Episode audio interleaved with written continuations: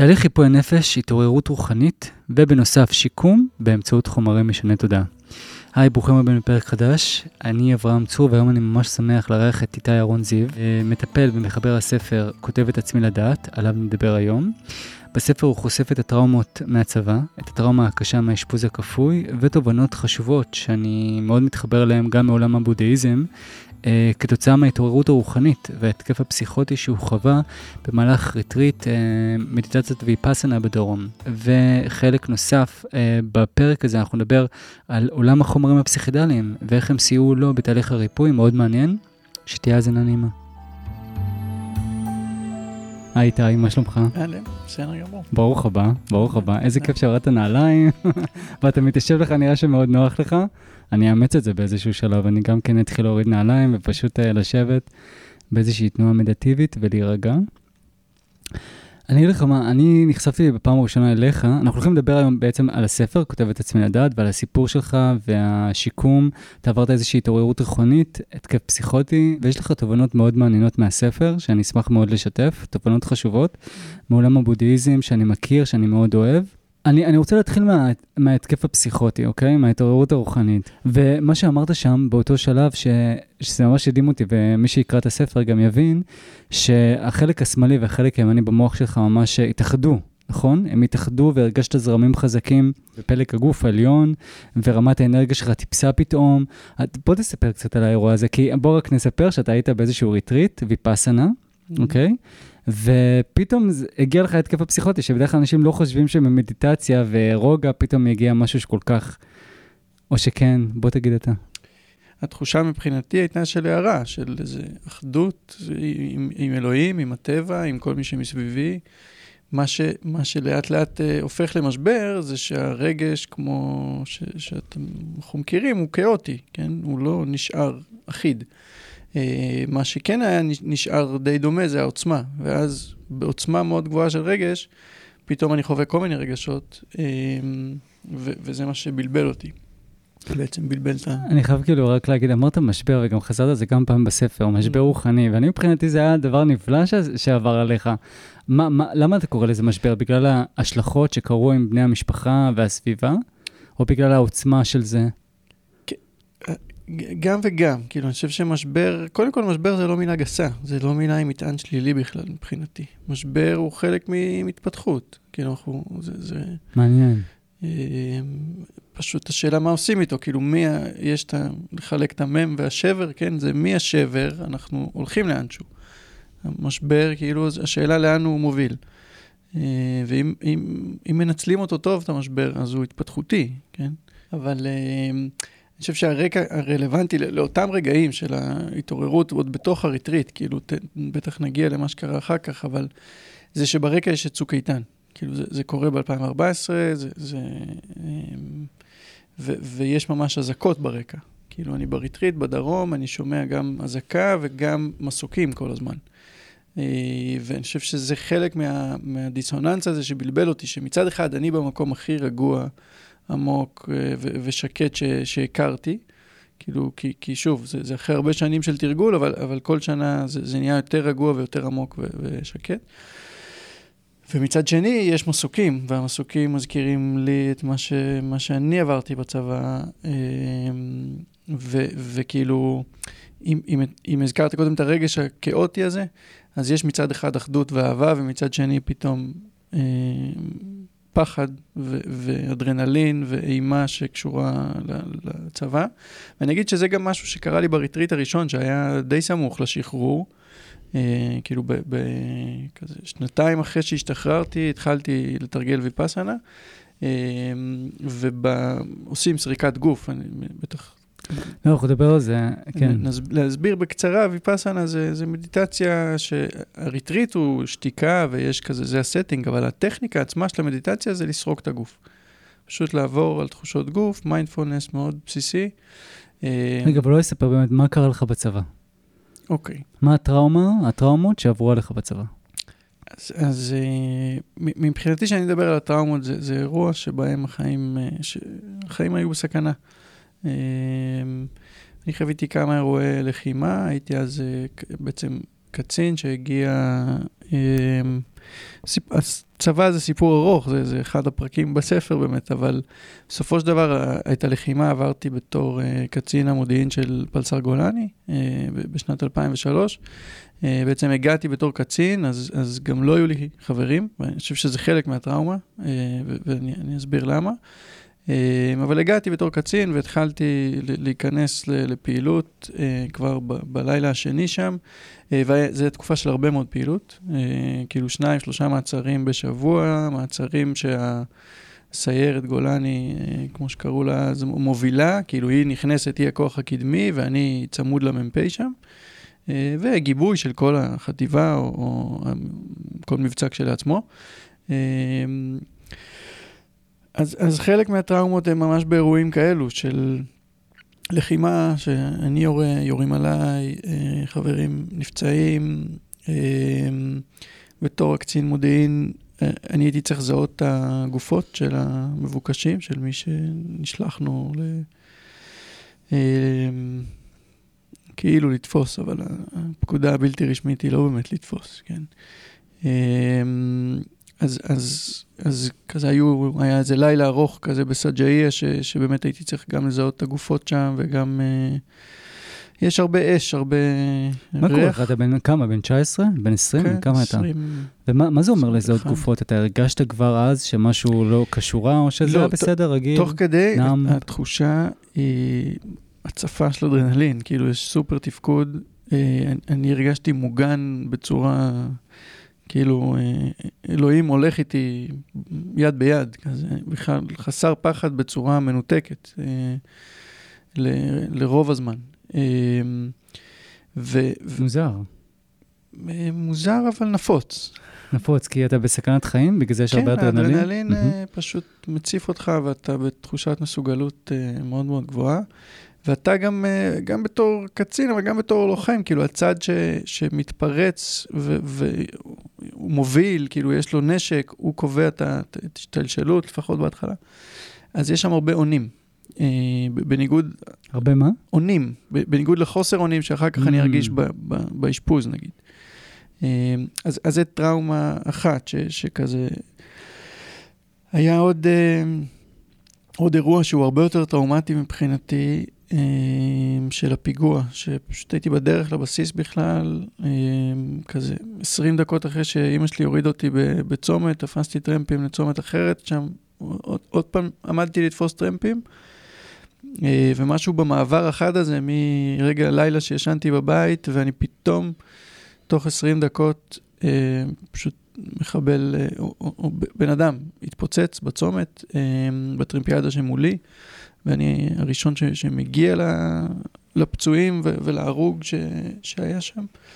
אמ, ו, ושוב פעם, הטראומה היא לא רק הזמן הזה שאני בתוך האירוע, ש, שנמשך אולי כמה דקות, אבל נמשך לנצח מבחינתי, אלא מיד אחרי, שאני פשוט חוזר, אה, תופס טרמפ לבסיס, לאיפה שהייתי אמור לתפוס טרמפ, אה, ולא מדבר על האירוע הזה. כאילו מדווח, או, או כאילו, אומר איפה הייתי, אבל לא, לא פורק את זה רגשית, אה, וגם זה לא קרה אחרי הלילה ההוא בעזה, וזה, וזה כמעט ולא קורה, ויש הרבה אירועים כאלו שמצטברים. אה, כשהאירוע האחרון, סוף סוף גם נפצעתי פיזית, אה, קיבלתי כדור בזרוע שמאל. שהוא יושב שם. במהלך פעילות בעצם כן, של... כן, בפעילות בג'נין, פעילות... Mm-hmm. כן. עוד, עוד פעילות מיותרת. אז כל הטראומות האלה? אז כל הטראומות האלה, מה שהם שלחו אותי, זה קודם כל הדחקה. כאילו, לא, לא דיברתי יותר מדי, לא, לא התעסקתי עם, עם כל הרגשות שעלו שם. כאילו, לא היה איזה עיבוד. אמ, לא, זה משהו ממש חשוב שאתה אומר עכשיו, ואולי כדאי להתמקד בו קצת, כן. לגבי ההסתגרות שקראת לה בספר שורש הטראומה בעיניי. זה שלא, גם אמרת את זה בעצמך, היית קצין בגולני, שזה חלק מהשורש של הבעיה, שלא היה לך חברים באמת, mm-hmm. לשתף, איך כתבת את זה בספר? לא היה לי כתף לבכות עליה, לא היה לי עם מי לדבר, לא היה לי אף אחד, שאמרתי את הכל בפנים, וזה שורש הבעיה, ואני מאוד מתחבר לדברים האלה. גם אני עברתי, בוא נגיד, משבר מסוים לפני כמה שנים, היה לי דיכאון. ואני תמיד הייתי אחד כזה ששומר את הכל בפנים. אני יכול להתמודד, הכל בסדר, אני יודע מה לעשות. ואז הכאב היה כל כך עוצמתי, והוא לא נגמר, הוא לא הפסיק, וכבר לא ידעתי מה לעשות. כי מה קורה? כאילו, אני בדרך כלל, אתה יודע, אני דוחק, דוחק, דוחק, אבל זה לא נתן לי להט... זה היה שבר גדול מדי, ולא נתן לי, כאילו... אז ממש התחברתי לדברים האלה, ואתה כתבת שאחד המרכיבים החשובים בתהליך הריפוי שלך, זה להיות uh, בסביבה פתוחה וכנה, שאתה יכול ממש לשתף. זה קורה לך היום עדיין? אתה מצליח? יש לך אנשים קרובים אליך שאתה מצליח לשתף כן, בהכל? היום, היום חיים אחרים. אמ, אבל, אבל אם אני חוזר לאז, סוף כל פעילות כזאת, סוף הלילה בעזה, או סוף, אמ, גם אם אנשים מסביבי מתחבקים וקצת משתפים, אני, אני, אני לא, כאילו, אני, אני קצת אאוטסיידר כזה. ו- ואני אגיד שהדפוס הזה של לא לשתף, הוא, הוא גם היה קודם, כן? הוא גם היה אצלי קודם מהבית. עכשיו, גם טראומות אה, רכות יותר, בתחילת הצבא, נגיד, נפרדתי, או שנה לתוך הצבא, נפרדתי אה, מחברה שהייתה לי. אה, הייתה לי שנתיים, חברה משמעותית, לא דיברתי על זה. שבר אותי מבפנים, לא החלפתי. מילה כמעט.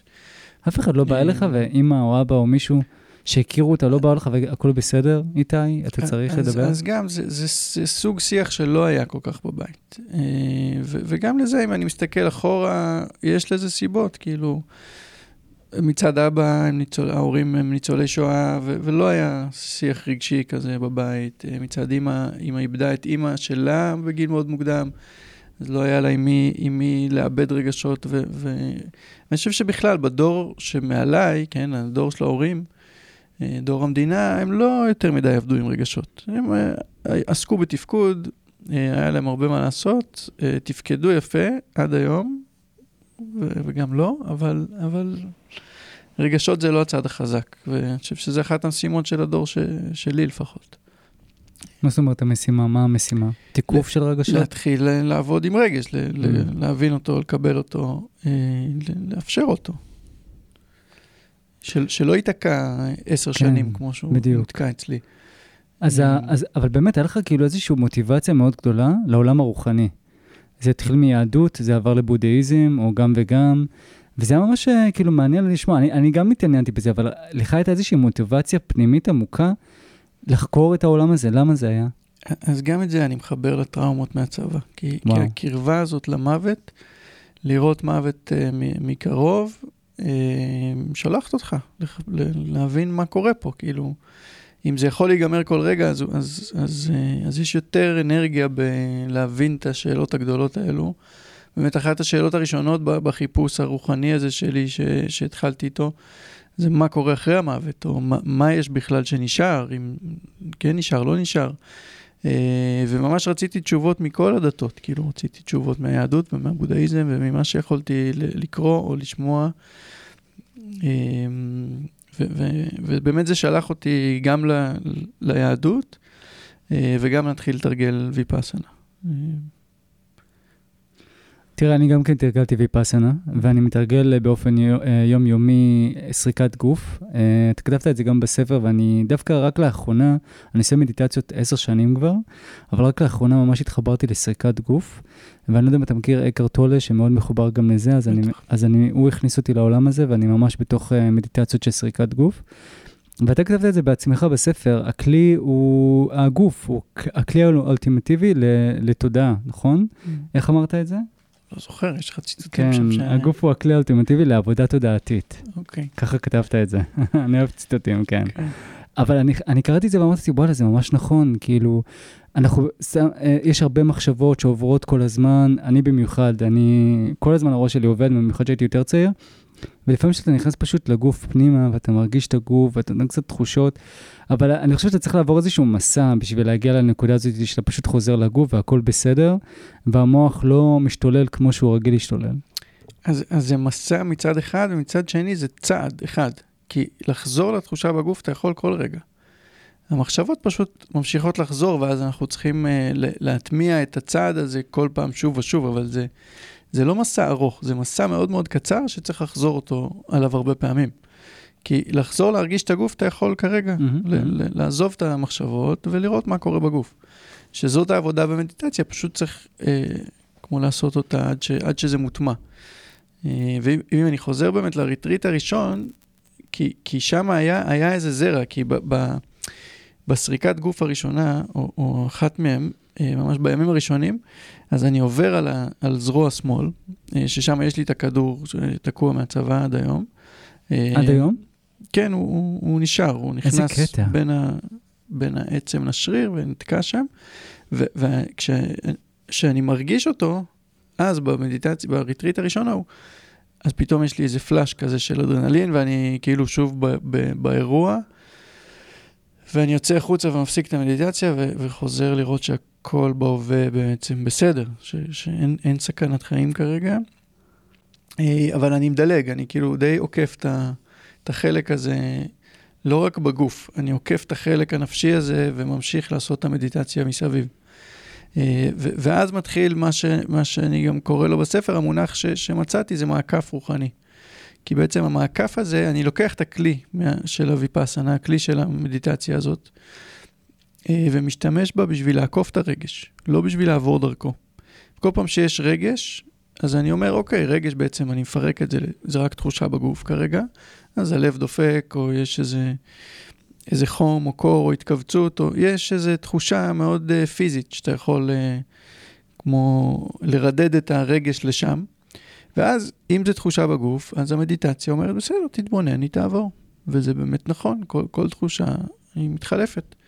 היא עוברת, היא לא... הכל זמני. כן. אמ, אבל, אבל אז חסר המרכיב של העיבוד הרגשי. ואני חושב שזה חסר באופן כללי בבודהיזם. בוויפאסנה? בבודהיזם, מעניין. אה, זאת אומרת, היום הרבה מהמורים והריטריטים כבר מחברים את הבודהיזם עם, עם קצת פסיכולוגיה מערבית, ו, ויש איזה, איזה חיבור כזה גם לרגש, אבל המסורת לא, לא חשבתי על זה, הקלאסית, זה ממש מעניין מה שאתה אומר עכשיו, שבבודהיזם אין באמת עיבוד רגשי. שאתה כאילו, אתה מקבל את זה שזה זמני ואתה עובר הלאה. כן. ואני חסיד גדול של קבלה, אז כאילו זה מעניין, כן, תמשיך. אמ, אבל זה גם מאוד uh, פונקציונלי, כאילו זה מאוד שימושי, הדבר הזה של המעקף הרוחני. כי אתה יכול בעצם, uh, גם אם כל רגש עולה והוא חזק, בין אם זה חרדה או עצבים, או, או, או אתה יכול לנשום, לעשות כמה נשימות, והוא עובר. Uh, אז אני חושב שזה כלי שכן, טוב שרכשתי, uh, אבל, אבל הוא לא מספיק לבד. יש צורך בעיבוד רגשי. כן. איך אתה עושה היום עיבוד רגשי על עצמך? אמ,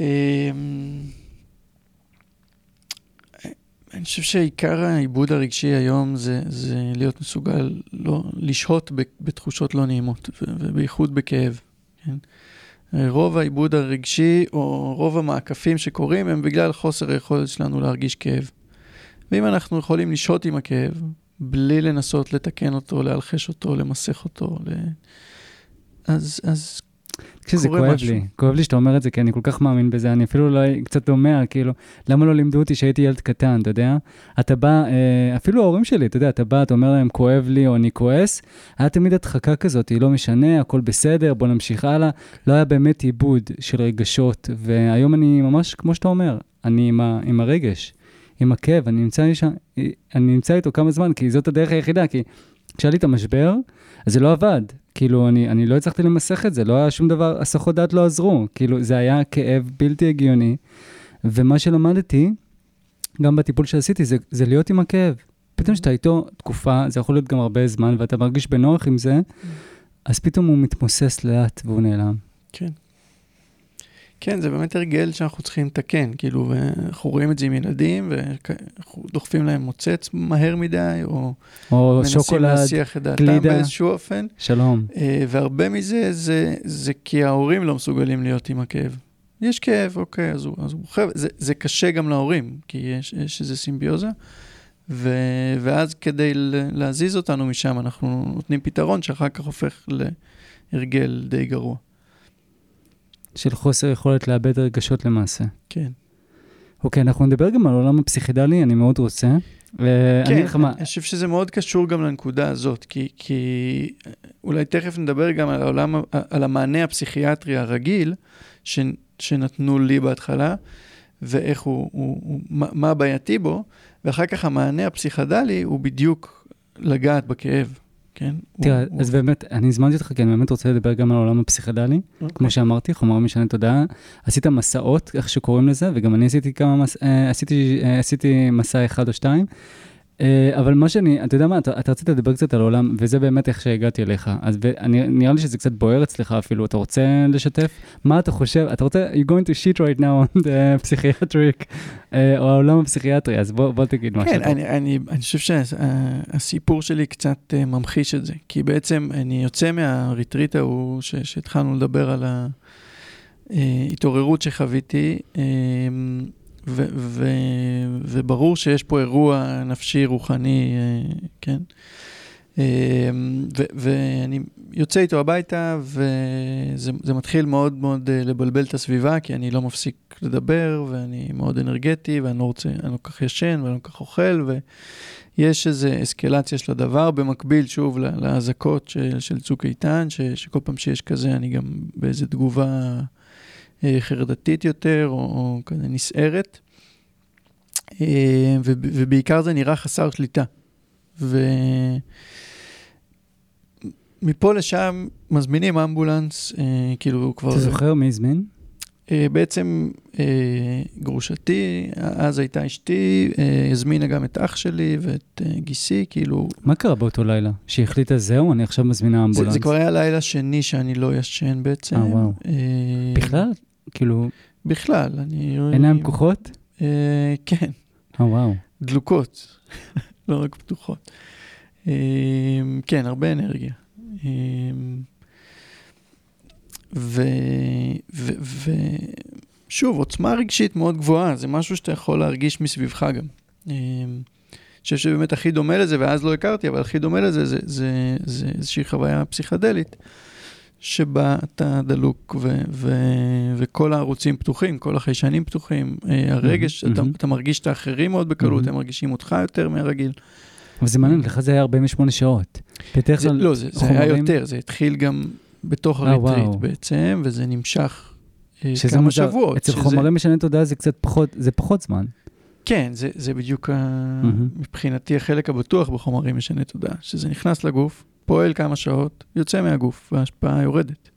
ב- באירוע אורגני, כן, שאתה יכול לקרוא לו פסיכוזה, או... או אה, אבל הוא יכול להימשך גם כמה שבועות, כן? כי אין, אין, ש... אין חומר שהפעיל את זה, אלא זה איזושהי אה, תגובה נפשית. אז מה עושים? אם עכשיו אני מכיר מישהו או מישהי שעוברים את זה, מה, מה עכשיו, אחרי שעברת את כל זה? אז זה, זה באמת שאלה ארוכה, כאילו... אה, יש תשובה, כאילו, יש מסוים. לזה תשובה, היא לא, היא לא קצרה. היא לא קצרה? Uh, בגדול זה להיות איתו, כן? להיות צריך איתו. להיות איתו uh, בצורה הכי רגועה ואוהבת שאתה יכול, ו- ולתת לחומרי הנפש האלו לצאת. עכשיו, אני מסתכל על, אה, על uh, פסיכוזה כמו דלקת, אבל כמו דלקת מבחינת הרפואה הטבעית. הרפואה הטבעית רואה, דל, דלקת היא לא בעיה, דלקת היא פתרון של הגוף לבעיה כלשהי, לאיזשהו פתוגן ש, שתוקף את הגוף, והדלקת באה אה, כדי לרפא אותו. לרפא את הגוף מ- מה, ממה שפלש אליה. אה, הפלישה הייתה טראומות מהצבא. אז, אז הפסיכוזה היא, היא שוב, היא תגובה של הנפש שבאה לתקן משהו.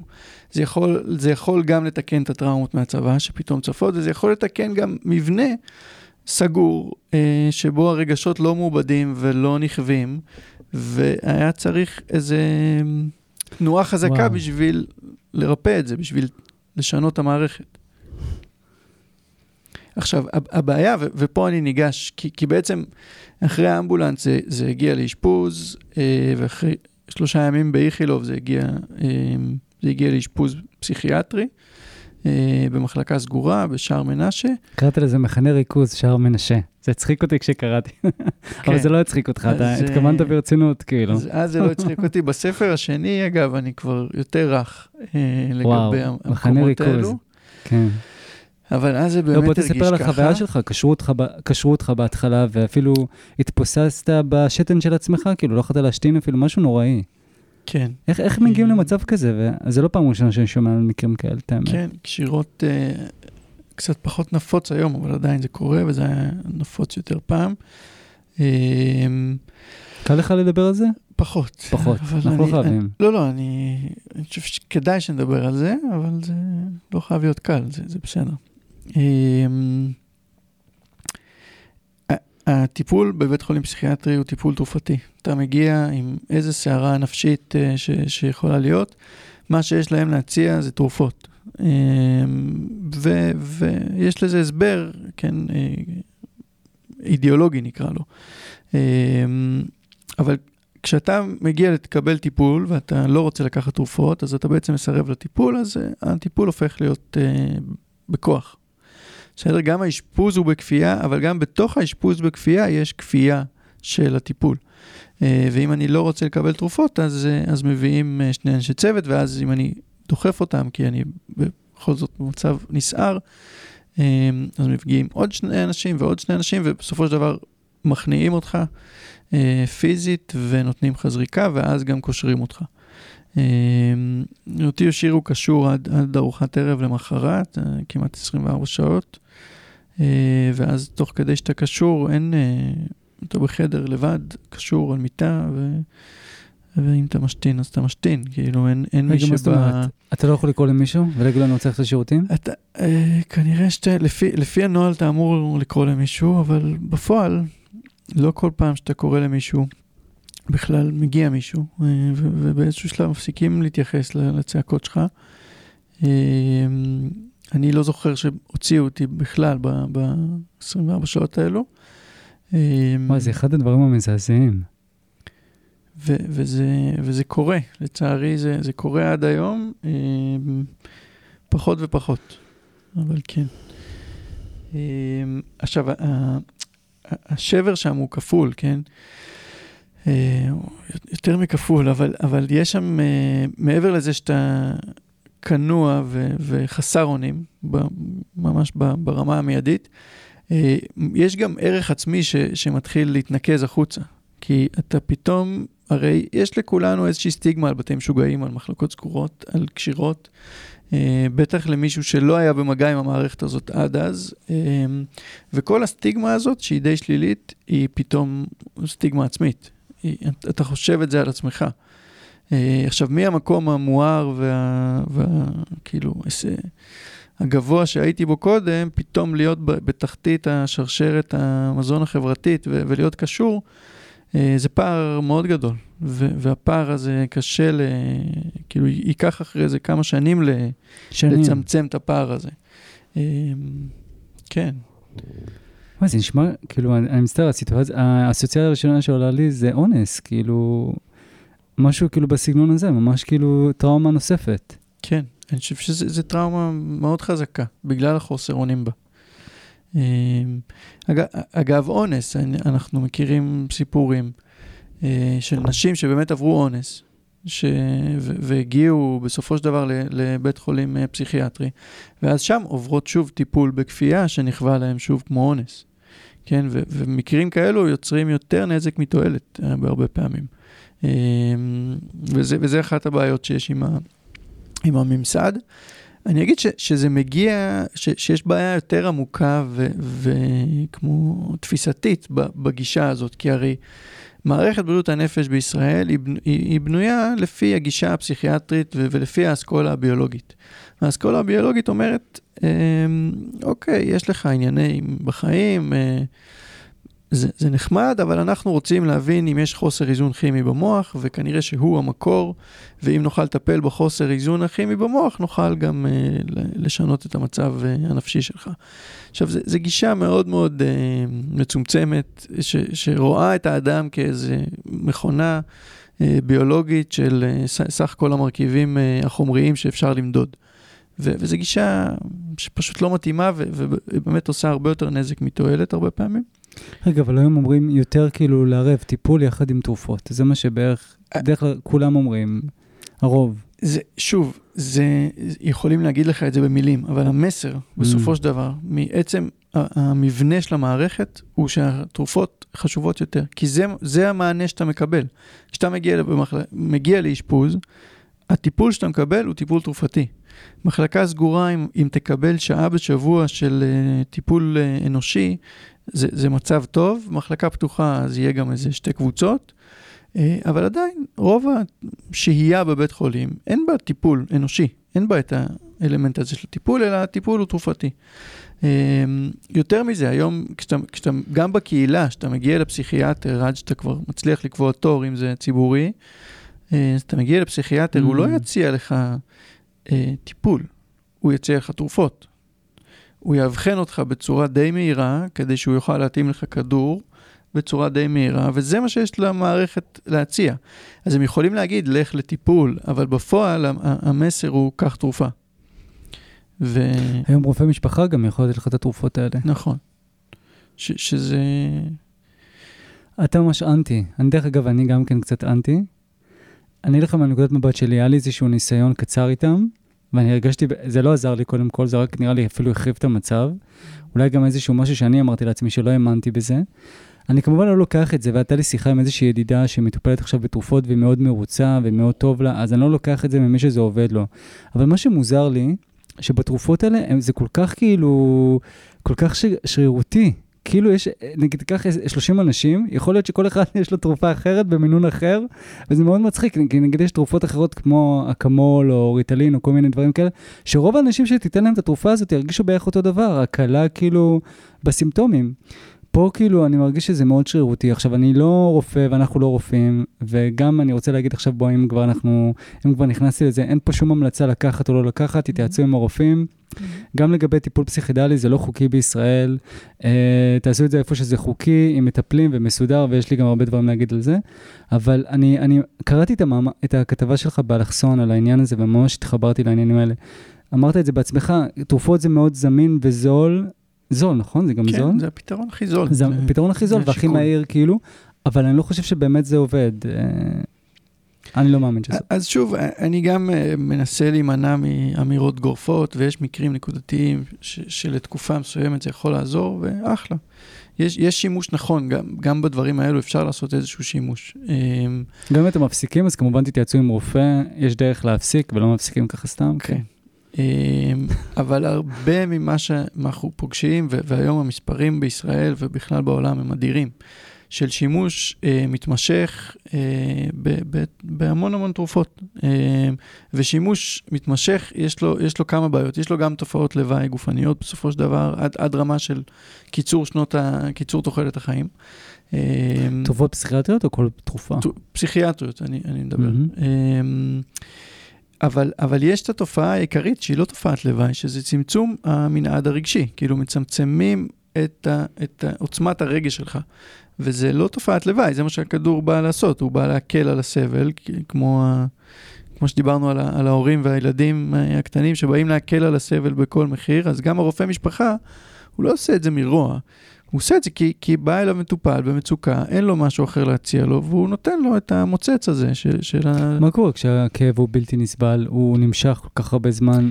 אז, אז שוב, כאב, אה, אנחנו צריכים ללמוד, להבין שכאב הוא חלק מהחיים, שאי אפשר להימנע ממנו.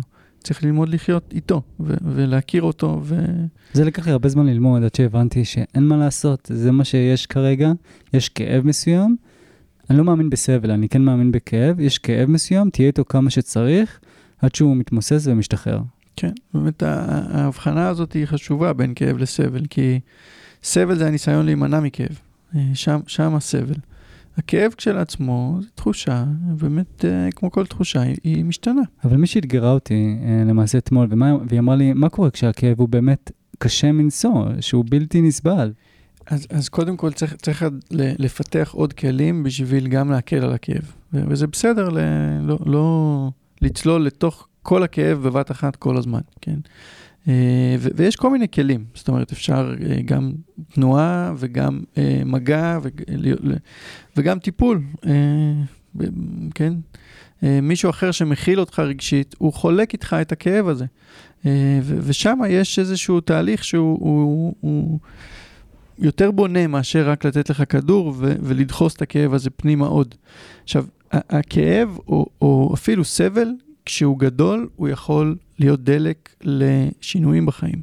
עכשיו, הרבה פעמים במצבים יותר כרוניים, אה, דיכאון לדוגמה, דיכאון יכול להגיע בגלל איזשהו אזור בחיים שיש בו תקיעות, או, ש, או שיש התנגדות וצריך ללמוד לקבל משהו בחיים, או שצריך ללמוד לעשות את השינוי. עכשיו, אם אנחנו מנמיכים את העוצמה של הכאב עם כדורים, אז אין מספיק דלק בשביל לעשות את השינוי הזה. ולפעמים צריך לסבול עוד קצת, ואז לפרוץ החוצה ולעשות את השינוי, ולפתור את, את הבעיה השורשית ש, שממנה התחיל הדיכאון בכלל. וואי, זה מצחיק. הדברים שלך ממש, אני, אני שומע אותם, ואני אומר, וואו, אני ממש מתחבר אליהם. אני חושב שזה מה שקרה לי גם, הייתי כל כך ביישן, ותראה, אנחנו עכשיו בפודקאסט, אני משתף דברים שלא הייתי משתף בחיים. זה פודקאסט שקם רק מהסבל שלי, שפתאום כאילו, אני חושב שזה גם כן היה איזשהו, בוא, אני, אני אומר במחאות, אבל איזושהי התעוררות מסוימת כזאת, שאמרתי, מה טפל ומה לא טפל, ו, mm. ולאיזה מסלול, ומה ההתנגדות הקשה הזאת, מה היא גורמת לי. כן, אני חושב שהסבל, אה, בודה אמר את זה לפנינו כנראה, הסבל זה הדרך שלנו לשחרור, אנחנו צריכים לנצל את הסבל הזה ולנוע משם. עכשיו, רוב ההתפתחות הרגשית, אישית, ש, שיש היום, נכון להיום, שוב, יכול להיות שנמצא איזה פטנט אחר בעתיד, אבל כרגע היא מונעת על ידי סבל. כאילו, סבל גורם לאנשים לנוע, להתפתח. אז, אז כנראה שאנחנו צריכים אותו עדיין. אוקיי, בוא נדבר על העולם הפסיכדלי, כי אני מפחד שאנחנו לא נספיק, אוקיי. וזה עולם שהוא חשוב. Uh, אז קודם כל דיברת, ודיברנו על המערכת הפסיכיאטרית, כמה שהיא לא עובדת, ואני מאוד שמח שהעולם הזה נכנס קצת יותר לעולם הפסיכדלי. אני יודע שלי זה מאוד עזר. Uh, אני מצטער קצת שלא קראתי את הפרק שלך על החומרים האלה לפני שעשיתי את המסע השני שלי, כי גיליתי שם דברים שלא ידעתי. אני, כאילו, היה לי איזשהו חלומות כאילו מסוימים, אבל לא, לא באתי מוכן כמו שאתה המלצת לבוא מוכן. Mm. אז בואו נדבר קצת באמת אה, על אה, חומרים, אנחנו גם נדבר על טריפים רעים. אה, אתה יודע, אבל בוא, בוא נתחיל באמת אה, מהדבר הכי חשוב, שאתה דיברת עליו בספר, שזה הסט והסטינג, mm. הכוונה והסביבה. ואתה, בהמלצתך אמרת שאתה אפילו איזושהי תפילה קטנה לפני כל מסע, נכון? כן. בוא תסביר מה זה אומר באמת, למי ש... אז, סט וסטינג, קודם כל סט או מיינדסט, זה עם איזה כוונה אתה בא לדבר הזה. אה, וכשאתה בא בכוונה לריפוי, אז אתה גם לוקח בחשבון שיכול להיות שתעבור דברים לא נעימים או קשים, אה, ושדווקא להם יש ערך ריפוי מאוד גבוה, ולכן זה בסדר. אה, ואתה לא נבהל אם, אם קורה, מה שאתה קורא לו טריפ רע, זה, זה טריפ טוב. כי בעצם אה, ככל שהוא יותר קשה, יש בו, יכול להיות בו ערך אה, ריפוי אה, גבוה יותר. עכשיו, למה, למה מקפידים על מה, מה זה המיינדסט, בניגוד למישהו שלוקח איזשהו חומר במסיבה ובמטרה ליהנות, ופתאום תצוף לו איזושהי טראומה מהעבר ש, שהייתה שם, אז, אז הפער הזה בין הכוונה שלו, של ליהנות במסיבה, לבין מה שקורה בפועל, שהוא מתמודד עם טראומה מהעבר, הפער הזה יכול להיות, אה, לגרום נזק. אה, איזה נזק? קודם כל זה יכול להיות חוויה טראומטית כשלעצמה. אם אתה באיזשהו אה, מקום מאוד מאוד פנימי ופצוע, ואתה פוגש באמת איזה טראומה מהעבר שלך, תוך כדי זה שמסביבך יש אנשים שרוקדים ובכלל לא איתך, אה, זה, זה יכולה להיות טראומה בפני עצמה. אה, וזה לא משהו שמקדם ריפוי. אה, אז, אז צריך לדעת אה, מתי ו- ואיפה ועם מי לעשות את זה. אה, מתי ואיפה ועם מי לעשות את זה, זה מאוד חשוב מה שאתה אומר, כן. מה שאתה אומר, מתי ואיפה ועם מי לעשות, ממש לבחור בקפידה את מי שאתם הולכים לעבור איתו מסע, כן. כן, ש- שזה באמת הדבר השני. בסטינג מדברים על ה- גם על הסביבה, שיהיה מרחב בטוח, כן, גם פיזית, ש- שלא תפחד שם מכל מיני דברים. אה, ובעיקר גם הסביבה האנושית, כאילו מי, מי מלווה אותך בדבר הזה. עכשיו, אני לא מדבר על שימוש ב... כאילו... אה, שימוש אה, פרטי ובמסיבות ו... ריקריאיישנל, מה שנקרא. אני מדבר על, על השימוש שאני עשיתי עם החומרים האלו בתוך מסעות כן, ריפוי. כן, חשוב להגיד שזה, שזה על מה, על מה שאנחנו מדברים כרגע. אני, כן. אני, לא, אני לא בעד, אה, אני זה, לא בעד. זה פשוט עניין לא, אחר. כן, זה עניין אני, אחר, אני, אני לא אומר שאני, זה לא פרסומת עכשיו, ל, זה פשוט, הכוונה היא לתת מידע למי ש... כן. למסעות, מסעות פסיכדליים, שאתה עובר עם איזשהו מטפל ואתה, ואתה אה, נכנס פנימה. כי בדרך כלל ההנאות האלה של מסיבות והכל זה הכל חיצוני, אבל נכון. אני מתכוון על מסעות פנימיים. כן, כן. אז באמת הסטינג של, של מסע ריפוי כזה, הוא, הוא, הוא ממש הפוך מה, מהסטינג של המסיבה, שבה הגירויים החיצוניים וכל מה שקורה בחוץ הוא, הוא העיקר. אמ, וזה ממש חדר חשוך, אה, ויש כיסוי עיניים אם אתה צריך, ו, ולא לא שקט, אלא מוזיקה שהיא כן, אה, המוזיקה היא חשובה שם. אה, היא ממש יכולה לנתב לך את, את, את, את הרגש. אמ, אבל ההתכווננות היא פנימה, ו, ובדומה מאוד למדיטציה, הדרך להעמיק אה, זה דרך הגוף, דרך התחושה בגוף, ו, וזה ממש יכול להיות עוגן. וגם אם אתה מבולבל ואתה לא יודע פתאום מי אתה או מה אתה או מה, מה עושים, התחושה בגוף יכולה להיות העוגן, וכשגם אין תחושה בגוף, אז, אז לתת יד למישהו, שם יש תחושה. אה, ו- ולתת יד בזמן הנכון אה, יכול גם מאוד לעזור ב- בתוך המסע הזה. אה, ואז צריך להיות קשר כזה עם המלווה, שבו לתת יד זה בסדר, ולהתעמך זה בסדר. ו... לחבק אפילו, אתה רשמת. כן. שזה היה מוזר לי, אני לא ידעתי שזה בכלל אפשרי. זה, אני חושב שזה נחוץ לפעמים. אני חייב להגיד לך על החוויה שלי, אוקיי? זה היה ממש טרי לפני חודש, החוויה האחרונה. לקחתי LSD. בהתחלה, מה שהיה לי כמו בחוויה הראשונית, הראשונה של פטריות, זה היה ממש שקיעה. שקעתי, ממש שקעתי לתוך המיטה, כאילו, שקעתי, הרגשתי כובד, וזה מה שעשה זה הצחיק אותי. פשוט התחלתי לצחוק, כאילו, לא הפסקתי לצחוק, ואז כמובן המוזיקה, אני עשיתי עם כיסוי עיניים ואוזניות, עוצמות רעש, ושמעתי מוזיקה תרפטית. אבל אני מנסה באמת לחזור למה שאמרת, שהגוף הוא עוגן כדי להבין את מה שקורה לי בפנים, או להבין יותר על עצמי. שוב, אם, אם אנחנו מתוך ההנחה ש... מסע, מסע, מסע ריפוי, הוא, הוא, אנחנו מחפשים גם את הפצע, כן? אנחנו רוצים mm. לרפא איזשהו פצע.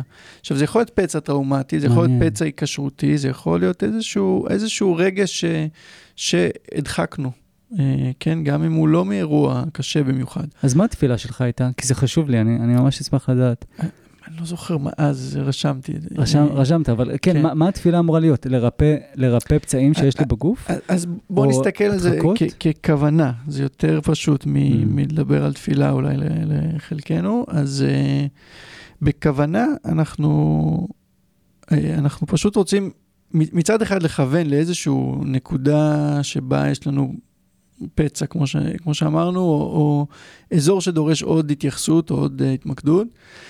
אה, אז זה הכוונה לתוך המסע, כאילו, למה אנחנו רוצים לפגוש, אבל, אבל החלק השני של התפילה זה כוונה קדימה, כאילו, מה היינו רוצים שהתהליך הזה יוביל אותנו, לאן, אחרי, לא יודע, כמה מסעות וכמה זמן, שנה קדימה, מי אני אה, בלי הפצע? מה, מה, מה השתחרר ממני? מה אני היום? אה, וזה קו, זה גם, אפשר להתפלל, לכוון לשם. אה, אתה עדיין עושה מסעות? כן. מתי הפעם האחרונה עשית מסע? אמ, עשיתי בעצם לפני אה, חודשיים עם... אה, אה, וואו. אבל סטינג אחר קצת. אה, בארץ או בחו"ל? טוב, לא משנה. כן, לא, לא ניכנס לזה, אבל לא. בסטינג אחר. מה הייתה התפילה שלך? מה הייתה התפילה שלך? מה. שנבין בערך, כאילו מי שמאזין, שיבין בערך מה להגיד או מה... אה, אני חושב שזה מאוד אישי, אני לא, לא הייתי אוקיי. מכוון למישהו אחר את ה... לא, כי אני מנסה עכשיו כאילו, אני מנסה עכשיו על עצמי לפני שלקחתי את מה שלקחתי, מנסה עכשיו כאילו, אתה פשוט צריך ממש לאתר כאילו פצעים או טראומות מהעבר. תראה, זה יותר פשוט, אני חושב שאתה צריך לשאול את עצמך, למה אתה, למה? כן, זהו. למה אתה בא למסע הזה? ואם יש איזו מצוקה, יש איזה משהו שמפריע לך, שהביא אותך למסע הזה, כן? אה, ואז הכוונה היא קשורה גם לחפש אולי את השורש של המצוקה הזאת, וגם אה, להשתחרר ממנה, ולראות מה היית בלי המצוקה הזאת. אני רציתי ממש להתחבר יותר לעצמי, ולקבל איזה שהן תובנות שאני יודע שלא הייתי מקבל אם לא היה את החומרים האלה. כן, אז אני חושב שהכוונה להכיר את עצמך ולהבין עוד. להיכנס פנימה. כן. אוקיי, בוא נדבר על טריפ רע. כי אתה, אני חושב שזה אחד הדברים הגדולים. אתה יודע, אנחנו בגילים מתקדמים ולא לא ילדים בני 20, ואני חושב, אני מאמין שאם הייתי בן 20 והייתי לוקח את זה, ההשפעה שלו, הייתי בטריפ רע שאולי היה נמשך הרבה הרבה זמן גם אחרי שזה, שזה, שזה נגמר. כי אני אגיד לך מה הייתה החוויה האישית שלי. לקחתי כנראה over, לקחתי יותר, בהתחלה לקחתי חצי, ואז לקחתי את החצי השני, וזה היה יותר מדי. זה היה יותר מדי. השעה וחצי הראשונות היו מדהימות. מה, מה יותר, יותר מדי מה? יותר מדי הרגשתי, קודם כל, יותר, אני אגיד לך למה יותר מדי, כי הרגשתי צורך להקיא. אחרי שעה וחצי הרגשתי צורך אז לצאת החוצה ולהקיא. למזלי היינו ליד יער ו- והכל, והלכנו לטיול ביער, ואני אומר לך, היה לי ממש כאילו רפלקס, רציתי להקיא, אבל לא נתתי לעצמי להקיא, אולי הייתי צריך לתת לעצמי, אבל לא רציתי, כי הייתי עם ידידה טובה ולא רציתי ש- שיראו אותי עכשיו ביער מקיא, למרות שהיא הייתה ממש בסדר עם זה, היא אמרה לי, תקיא, הכל בסדר. רצית להגיד משהו? לא, ש, ש, שזה בדיוק המגבלות של הסטינג, זאת אומרת, אם, אם לא נוח לך להקיא ליד מישהו, אז, אז וואו. זה, זה, צריך לכוון את הסטינג שם. כי אתה צריך ש- להיות במקום כן. ש, שבו נוח להביא את כל מה שעולה, גם אם זה להקיא, וואו. בייחוד אם זה להקיא. להקיא יש משהו שרוצה לצאת החוצה ואתה לא נותן לו יואו. עד שהוא מתפרץ. עכשיו עוד פעם אני צריך לקחת? לא, אני צריך שוב ושוב. שוב ושוב. אבל אה, הייתי ממש צריך להקיא ולא נתתי לעצמי להקיא, אבל כן היינו ביער, ומה שאני זוכר, אני לא יודע למה אני משתף את זה עכשיו, אבל זה... צרחתי את הנשמה. צרחתי, זה, זה בקטע של מצחיק, אבל צרחתי, רציתי לצרוח את הנשמה, לצרוח, וצרחתי, וזה היה טוב, וזה היה, אמרת, הסטינג, הסביבה, אה, מי שהייתה איתי, נתנה לי לצרוח, והכל היה בסדר, היינו באמצע היער, והכל היה נפלא ונהדר. אני חושב שזה היה חלק אולי מההקאה, הרצון. אה, כאילו, אתה יודע, אולי מישהו שהוא ביישן כמוני, ששומר הכל בפנים, והכל כזה, בוא, ש... אה, the disease to please, שכולם יהיו מרוצים, וחס וחלילה להגיד משהו שפוגע במישהו או משהו כזה. והיה לי את הרצון אז לצרוח, כאילו, צרחתי את הנשמה. אז, אז כן, אני חושב שזה זה בדיוק היתרון במסעות האלו, שהתת מודע שלך יכול לצוף אה, ולהיות פחות מנוהל, פחות מוחזק, ומה שצריך לעלות ומה שצריך לצאת, יוצא. ו- וזה דברים שקשה להגיע אליהם בטיפול, זאת אומרת, צריך טיפול ארוך ומתמשך כדי שהחומרים התת-קרקעיים האלו יצופו. אה, ואני חושב שהשילוב בין גם טיפול שוטף אה, שבועי, לבין פעם בלעשות מסע, אה, ובעדיפות יחד עם המטפל, אה, אפשר, אפשר, מאפשרת להרבה חומרים לצאת, ואחר כך אפשר לאבד את מה שיצא ב- בהמשך הטיפול.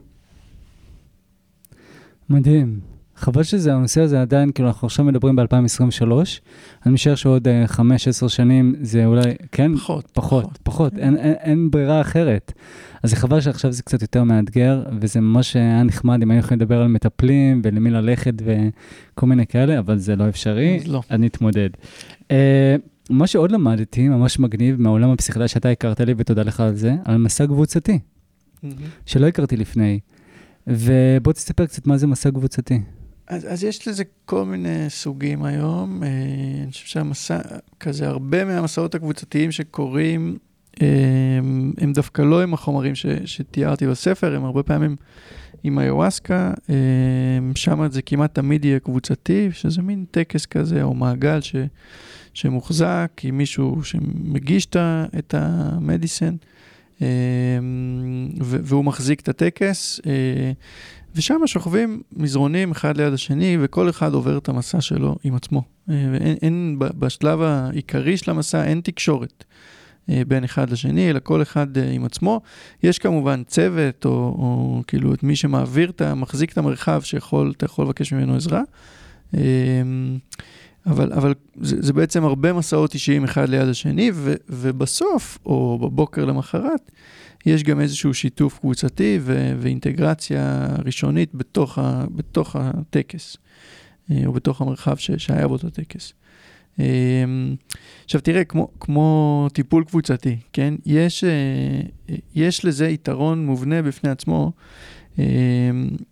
על פני טיפול בקליניקה, זאת אומרת, יש יתר- יתרון לפה ויתרון לשם, אבל רוב האתגרים הנפשיים, יש את האתגר עצמו, ו- ואז יש על זה שכבה של בדידות. ובדידות היא, היא קושי כשלעצמו, אבל גם אנשים שמתמודדים עם דיכאון או עם חרדה, הרבה פעמים הם מסתירים או מתביישים, ואז הם נשארים לבד עם הקושי.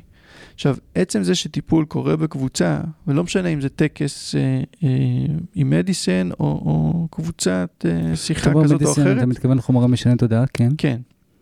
אמ, אז הרובד הזה של להיות לבד הוא, הוא, הוא כבר פחות קיים. כי, כי אמ, זאת הקבוצה נקודה מחזיקה ממש את חשובה הדבר. מה שאתה אומר עכשיו, טיפול קבוצתי זה היתרון הגדול שלו, שאתה, שאתה לא מפחד כל כך, אתה פתאום לא מפחד, ואתה רואה שיש עוד אנשים שמתמודדים, זה עוד חלק מהריפוי. כן, ו- ושעוד מישהו מחזיק איתך את הקושי, שאתה מביא את הכאב, וזה לא רק אתה והמטפל בקליניקה.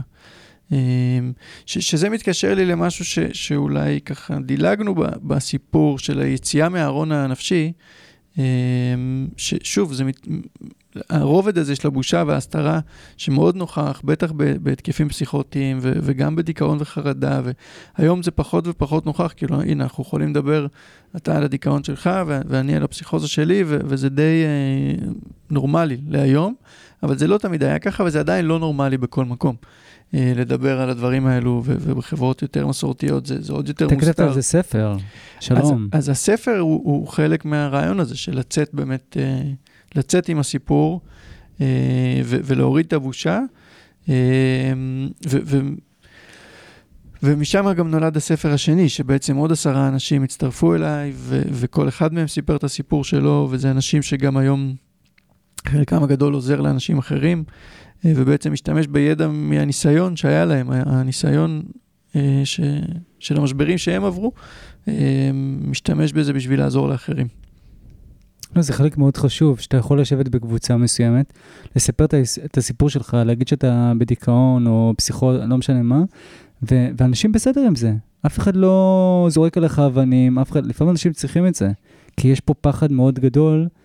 אבל למרות שאני, אתה יודע, אני בקבוצות, בפייסבוק והכל, ואנשים משתפים את הנשמה, במיוחד צעירים יותר, והכל בסדר, ואני אומר לעצמי, כאילו, עם הזמן, כאילו, זה, זה פשוט חולף, ואנשים כאילו פחות uh, מתביישים. כן, כן, זה ממש משהו שרואים בשנים האחרונות. עכשיו לא דיברנו, אני כן רוצה לחזור לנקודה הזאת, כי זה כן חשוב לי. אז ברגע שלקחתי את ה-LSD את ה, את ה והרגשתי, ו, והרגשתי ממש כאילו צורך להקיא, זה מבחינתי היה הרגשה לא טובה, mm-hmm. כי נלחמתי בזה, אולי הנה, עוד פעם, עוד אחד, כי נלחמתי בזה, לא הקאתי. אבל, ואז, ואז כאילו נוצר משהו לא נעים אצלי, וזה במרכאות טריפ רע. אה, מה, מה שלמדתי, מה, שהבנ... מה שידעתי בראש, זה שלא משנה מה קורה לי עכשיו, כמה זה כואב או כמה זה לא נעים, זה יעבור. וזה, אני חושב, משהו כל כך חשוב לכל מי שמאזין ולוקח איזשהו חומר משנה תודעה, שלא משנה מה, אולי גם לחיים, זה זמני. וזה מה שהציל אותי במרכאות, כי כמה ש... לא הצלחתי גם להירדם באותו לילה, דרך אגב. לקחתי, אני מרגיש שלקח, כי עם הפטריות זה היה כמה, חמש שעות? שם זה היה איזה 15 שעות נראה לי אפילו. הסידור ארוך, כן. היה, היה מסע ארוך.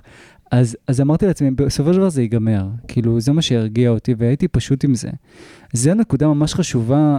אתה גם כתבת על זה, משהו מאוד יפה ומעניין, שאחת הנקודות המרכזיות בטריפ הרע שהיה לך, שבמחאות כאילו השתגעת, או שהזעת את הנשמה עם לואיס, אתה יודע, אתה במהלך המסע הזה עם החומרים, והשתגעת. אתה אומר, ההבנה הזאת שאני משתגע, אבל אני יכול לחזור לקרקע, זה מה שהציל אותי, במיוחד עם העבר שלך. Mm-hmm. שאתה עברת התקף פסיכוטי, איזה מפחיד זה לקחת בעצם חומרים משני תודעה. שזה הפחד הכי גדול שכולם אה, אומרים, שאם יש לך היסטוריה של פסיכוזה, תימנע. Mm-hmm. אבל אתה בכל מקרה לקחת, ועם הפחד הגדול הזה, נגיד, השתגעת במסע עצמו, אבל אז חזרת לקרקע, ואז הבנת, וזה, וזה הדבר הכי גדול שאני חושב, שאחד הדברים הגדולים שצריך לצאת מהם, כן. מהפרק הזה, כן. כן, ו- וגם עם, ה- עם ההבנה שזה באמת אה, לא לכל אחד, ושצריך לעשות את זה בצורה בטוחה, אה, בייחוד אם יש לך עבר, ו- ו- וגם לא אם אתה לוקח כדורים, שילוב לא טוב. אה, וגם אם אתה רוצה לקחת ואתה לוקח כדורים, אז לעשות ב- ב- באופן הדרגתי את ההפסקה של הכדורים, אה, ו- ולא לשחק בין כדורים פסיכיאטריים לחומרים משני תודעה. זה, זה... אה, זו נקודה חשובה שלא חשבתי עליה. ותוך כדי שאתה מדבר, אני אומר לעצמי, גם טוב שאתה עושה את זה עכשיו, שאתה קצת uh, מרחיק אנשים, כי אני, אני קצת מתלהב מהתחום הזה. אני, שוב פעם, זה לא חוקי ותעשו את זה מסודר כמו שצריך. אני באמת ממליץ על זה, כי אחרי שלקחתי את החומר הזה, הבנתי כמה מסוכן היה אם הייתי עושה את זה לבד, בלי סביבה תומכת, ואם הייתי עושה את זה בגיל צעיר יותר. כי רק עכשיו אני מבין שזה זמני והכל, ואני קצת במקום אחר, ועברתי עם עצמי דברים, שאני יכול לקחת את החומרים האלה ולא להיבהל מהם ומההשפעות שלהם. אז, אז זה חשוב. אנחנו לא רוצים לחזור 50 שנה אחורה, שזה כולם התלהבו מזה, ואז הייתה פתאום איזושהי נפילה, ואז מה שקרה, סגרו את זה, אתה מבין? ועכשיו איזושהי התעוררות נוספת. אז uh, אני קורא את זה ממש בספר איך לשנות את דעתך, שדרך אגב אני ממש ממליץ, כן. אם לא קראת. אז הוא מדבר על זה ממש, בוא, בוא, בוא ניזהר עם זה ולא נתלהב יותר מדי, כדי שלא יקרה עוד פעם איזשהו שיגעון, שיחסמו את הגישה לדברים האלה שעוזרים, הם עוזרים בסופו של דבר, להרבה הם עוזרים, כן. כן. יש כזה, הסיבות למה סגרו את זה, זה, זה מורכב, יש שם הרבה פוליטיקה ואינטרסים, אבל, אה, ו- ועדיין צריך להיזהר עם החומרים האלו ולקחת אותם ברצינות אה, הראויה. אספר לך מה קרה עם החומר, למה אני אומר שצריך להיזהר? כי הייתי עם ידידה והלכנו ליער, ואז כאילו התחיל כבר לרדת גשם, או לא משנה מה, וטוב, חזרנו הביתה, אבל אני רציתי עדיין, כי היה לי כל כך כיף ביער, הצבעים, הדברים מדהימים שראיתי, הייתי חייב את התחושה הזאת עוד. והיא, רצתה להישאר בבית, אז, וזה ממש קרוב, זה כאילו מרחק הליכה של דקה, כאילו זה ממש כאילו מעבר לכביש. ואמרתי, טוב, אני אלך לבד, כאילו, טוב, תיקח את הפלאפון, הכל בסדר. אני אומר לך, הלכתי, והכביש נראה לי כמו הדבר הכי מסוכן, וזה כביש פנימי, כאילו, עלוב. ולא, ולא פחדתי, ראיתי אורות ולא ידעתי אם, זה, אם לעבור או לא. לקח לי עשר דקות עד שעברתי את הכביש, ואז נכנסתי ליער, ואמרתי, טוב, אתה הולך רק ישר, רק ישר ואתה חוזר חזרה, אתה לא, אתה לא נכנס פנימה, כי הרגשתי שאני לא כל כך בפוקוס ואני לא יודע איפה אני. והלכתי לאיבוד תוך בדיוק 15 אה, שניות, כאילו, פתאום אני באמצע, אני הרגשתי שאני באמצע היער, אני לא יודע איפה אני, עצרתי את עצמי, התקשרתי אליה והיא באה לאסוף אותי. אני רק אומר כמה שזה מסוכן לקחת את הדברים האלה לבד, במיוחד במסיבות. אני לא יודע מי, מי הולך לבד במסיבות, וחושב שזה רעיון טוב לקחת את החומרים האלה כשאתה לבד, באיזושהי מסיבה עם אנשים זרים, כשאף אחד לא אכפת לו ממך. כן, uh, ואתה כתבת את זה מאוד יפה, אולי, אולי כדי שאני אקריא, בעבודת מדיסין, כמו בתרגול הרוחני, אין זה משנה אם אתה עובר דרך גיהנום, או שאתה מתענג על אהבת הבורא. אם רגש, תחושה או הבנה עולים, זה בכדי שנוכל לחוות אותם ולהשתחרר מהתנגדות או מהאחזות בהם. כן, זה באמת גם, אפרופו התחושות הלא נעימות ש, שחווית ב, ביער, אה, ההאחזות וההתנגדות הם, הם הבעיה. זאת אומרת, התחושה כשלעצמה היא, אוקיי, יש תחושה, שוב, תעבור. ברגע שאנחנו מתנגדים לתחושה מסוימת, זה, זה תוקע אותה. ו, וזה נכון בתוך הטריפ, וזה נכון בתוך טיפול, וזה, וזה נכון בחיים. אה, בסופו של דבר חרדה זה איזשהו פחד מפחד, כן? זה פחד שנתקע. אה, והדרך לצאת מהדבר הזה, זה דווקא לקטוע את הסיפור. אה, לקטוע את הסיפור שאנחנו מספרים לעצמנו לגבי עצמנו, ואת הסיפור שמשחזר את החרדה או מייצר אותה שוב ושוב.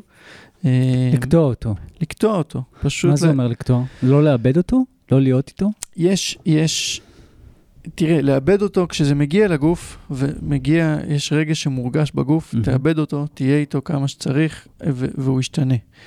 אבל הוא חלף, ואחרי שהוא חלף, אתה נקי, שוב. ואז מזדחלת איזושהי מחשבה שכנראה כבר חשבת בעבר, והיא מייצרת לך שוב חרדה מסוימת, כן? עכשיו, רוב, הח... רוב המחשבות האלו הן חוזרות על עצמן, והן או לגבי העבר או לגבי העתיד, הן די חסרות ערך. אה, וכדי לחזור חזרה למרכז, אנחנו צריכים רגע להפסיק להתייחס למחשבות האלו, להפסיק להאמין להם, להפסיק לשתף איתם פעולה. איך אתה קוטע אותם? אה, חוזר לגוף. חוזר לגוף. כן. אבל לשחרר אותם בעדינות, כן? כן, לא, לא צריך, אה, שוב, לא להילחם בהם, אבל גם לא להיצמד אליהם. פשוט לזהות אותם כמחשבה ולחזור לגוף. גם היום. כן. מחשבות קשות שחזרו מהעבר, א', ב', ג', אתה פשוט נותן להם לבוא ואתה חוזר לגוף. מה זה אומר לחזור לגוף? נשימות, תחושות, מה? גם וגם. סריקת כן. גוף? זה, זה יכול להיות סריקת גוף, זה יכול להיות איזושהי התאגנות בקרקע. הגוף, יש לו איזושהי נקודת uh, מגע עם הקרקע. כרגע זה הכורסה, mm. uh, וכשאני עומד אז יהיה כפות רגליים, וכשאני שוכב זה, זה יהיה כל החלק האחורי. הנקודות מגע עם הקרקע היא, היא יכולה להיות עוגן. של תחושה. מעניין. יש תחושה תמיד איפשהו בגוף. אה, יש כל הזמן תחושות בכל הגוף, אבל תחושה שקל לזהות, זה בדרך כלל יהיה נקודת מגע או הנשימה, או כאב, כן? אם משהו כואב, קל אה, להתרכז בו. והרעיון הוא לא לחמוק ממנו, אלא להתרכז בכאב, אבל תוך כדי להרגיש גם את הקרקע או את הנקודת משען הזאת. ואז אנחנו יכולים להכיל את הכאב, כי יש עוד חלק של הגוף, בו זמנית יחד עם החלק שכואב, אם זה בלב או כל אחד אה, איפה שכואב לו, אה, אבל תוך כדי שכואב לך, יש גם חלק שמונח על הקרקע, והוא מוחזק. הבנתי, אתה מתחבר גם לכאב וגם לתחושת המגע עם הקרקע. כן. גם וגם. Mm. ואז זה משכך את הכאב? זה, זה לא, זה, המטרה היא לא לשחרר, המטרה היא להיות איתו, עד שהוא ישתחרר mm. לבד. כן, אני לא מנסה בכוח לשחרר לך, אותו. יש לך איזושהי ציפייה מסוימת, אולי גם אותה צריך להעיף. כן, הציפייה הזאת היא שוב, היא מחשבה. Mm. אז, אז תחזור לגוף. אם אתה בציפייה, אתה כנראה לא בגוף. ב- בגוף יש תחושה, כן. אין, אין שם ציפייה. אוקיי, אני אגיד לך משהו מאוד מאוד מעניין שדיברת עליו במהלך כל הספר, זה הכתיבה. אני, אני יודע שאני עושה את זה באופן אישי, וג'וליה קמרון, שהגעתי לזה דרך, דרכה, שאתה פשוט לפעמים שם את כל המחשבות שלך בלי צנזורה, בלי כלום, בתוך הדף, וזה מאוד משחרר. היא מציעה שלושה דפים מלאים, A4, לכתוב, אבל אתה בכלל רואים שזה, מי שהיית צעיר, היית ממש בתוך זה, וזה מעניין, כי זה טיפול פסיכולוגי למעשה, והיה לך את הטיפול הזה מי שהיית קטן. כן, אה, תמיד אהבתי לכתוב, היה לי כזה איזה יומן. אה, דווקא לאחרונה אני פחות ופחות אה, משתמש בכלי הזה, אבל הוא, הוא עדיין, הוא עזר לי בתקופות יותר קשות, והוא, והוא עדיין שם. ולפעמים כמה שאנחנו רוצים לחזור לגוף ולא להאמין למחשבות וכל מה שדיברנו קודם, לפעמים הסיפור חייב אה, לצאת ממך. וברגע שהוא יוצא על הכתב, אז, אז יש איזו הקלה. אמ, כי כשהוא יוצא על הכתב, קודם כל, אה, יש גם איזה, איזה קורא, איזה מתבונן אה, חיצוני שמדומיין, שאיתך שם, אה, וגם יש נטייה פחות לחזור על עצמך. הרבה מהמחשבות, יש איזה רומינציה, יש איזה אה, לופ כזה שאתה, שאתה חוזר על מחשבות בעצם, וברגע שאתה כותב אה, זה, אתה, אתה לא תחזור על עצמך, אתה לא תכתוב את אותו משפט אה, כמו עונש על הלוח כזה, אלא, אלא מה, משהו יזוז. ו- וזה גם, אה, זה, זה חלק מהעניין, כאילו, לשחרר את התקיעות הזאת. זהו, אז אנחנו לקראת סיום, איתי, איזה כיף, וואי, אני ממש שמח על השיחה הזאת. אה, אני אשאל אותך שאלה שאני מאוד מעניינת אותי, מאוד מסקרנת אותי. מה הייתה השגרה שלך? כאילו, שגרת הבוקר שלך, שגרת הלילה, מה אתה עושה בשביל הרווחה הנפשית והפיזית שלך? שאלה טובה, אני, אני פחות איש של שגרה היום מבחינה הזאת. אה, באמת פעם הייתה תקופה שהייתי עושה מדיטציה כל בוקר ו- וכזה. אה, אני, אני אסתכל על זה יותר שבועית, אז אני כן בטיפול כל שבוע, אה, חודשית או דו-חודשית, אני גם אעשה איזשהו מדיסן כזה, ל- לנקות אה, יותר אה, את הקרקעית של התודעה. קנאביס? אה, זה נכלל גם במדיסין? לא, לא. קנאביס אני לא, לא, אוקיי. לא כך אה, בעניין. אה, הוא, הוא יותר אגב מאלחש את התודעה, כן, מטשטש. כן, אבל אני לא ידעתי שמדיסין אפשר לקחת, סליחה שאני נכנס, אבל אפשר לקחת, כאילו, אני אומר לעצמי, פעם ההשפעות... ש- בחודשיים, שלושה. כן, אבל זה, אני הבנתי שאולי פעם בשנה או פעמיים בשנה. תלוי מה. לא, יש, תלוי יש מה, חומר, אוקיי, החומרים אוקיי. הטבעיים, ככל שהם יותר טבעיים, Mm, יש- מעניין. אה, יותר אפשר להשתמש בהם אה, באופן קבוע. את החומרים הסינתטיים לא הייתי ממליץ הרבה, אבל זה מיקרודוסים? כאילו מה שאתה מדבר עליו? לא. לא? אוקיי. מעניין, כי אני הייתי בטוח, גם הבחור הפטריה המפורסם הזה, אני לא זוכר את שמו, אה, זה שהיה בטד והכל, הוא, הוא לוקח פעם, פעמיים בשנה פטריות. אז מעניין אותי על מה אתה מדבר, אבל כן, נמשיך. אז אתה אומר, יש את הטיפול השבועי, ויש את הטיפול אה, חודש, חודש וחצי, מדיסין, מגניב. כן, ואני חושב שהעבודה השוטפת, זה, זה, שלי לפחות, זה לא להדחיק רגשות, יש רגש, להיות איתו. אה, לא משנה אם הוא נעים, לא נעים, איך, איך החברה קטלגה אותו פעם. אבל אם אה, עולה בכי, אז לבכות, ו, ואם עולה אה, כעס, אז לכעוס. ו, וברגע שאתה לא מדחיק את, את הרגשות לא, לאורך היום, ו- אז... אז לא, לא, זה- לא, אין משהו שמצטבר. וואי, זה נוראי, כי אני כל החיים שלי, כאילו, לא בכיתי, כי למה שתבכה, גברים לא בוכים, וכעס, תמיד אמרו, למה אתה כועס, הכל בסדר, לא תכ... אסור לכעוס, כאילו, בוא תהיה אופטימי, בוא תהיה שמח. כאילו, וזה זה כואב לי קצת, זה חבל לי, אבל uh, כן, כנראה שהייתי צריך uh, ללמוד את זה בדרך הקשה. עוד משהו מאוד מעניין שקראתי, ואני אני אגיד אותו ממש, שאמרת שאנשים רגישים מדי, אתה יודע, זה מה שכולם אומרים, זה מה שאני חשבתי גם, מועדים יותר להתמודדויות נפשיות או אתגרים נפשיים. ואתה כתבת משהו יפה, ליב, ליבם של אלה שרגישים גדול יותר, מנעד הרגשות שלהם רחב יותר, והצוהר התודעתי חופשי יותר. הם גדולי נפש. אלה שלא מסוגלים לחוות את מלוא העוצמה של הנפש, של נפש האדם, הם בעלי המוגבלויות האמיתיות. כן. זה היה יפה. לא חשבתי על זה ככה.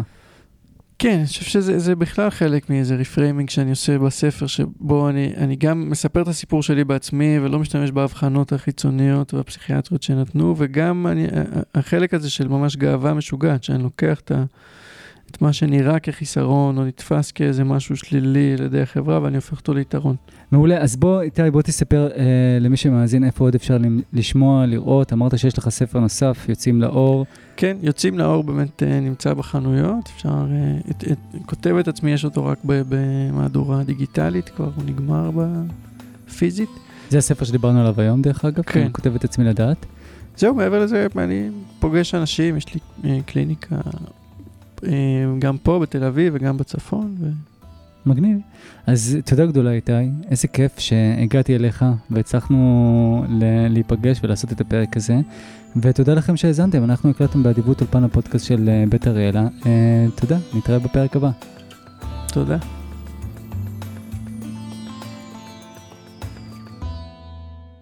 אני אברהם, ואתם האזנתם לרגע מעצים, הפודקאסט. אם עדיין לא עשיתם את זה, לכו לספוטיפיי ועקבו אחרי רגע מעצים. אתם מוזמנים כמובן לשתף את הפרק עם מישהו או מישהו קרובים אליכם, שיכולים להפיק ערך מהפרק הזה. תודה שהאזנתם.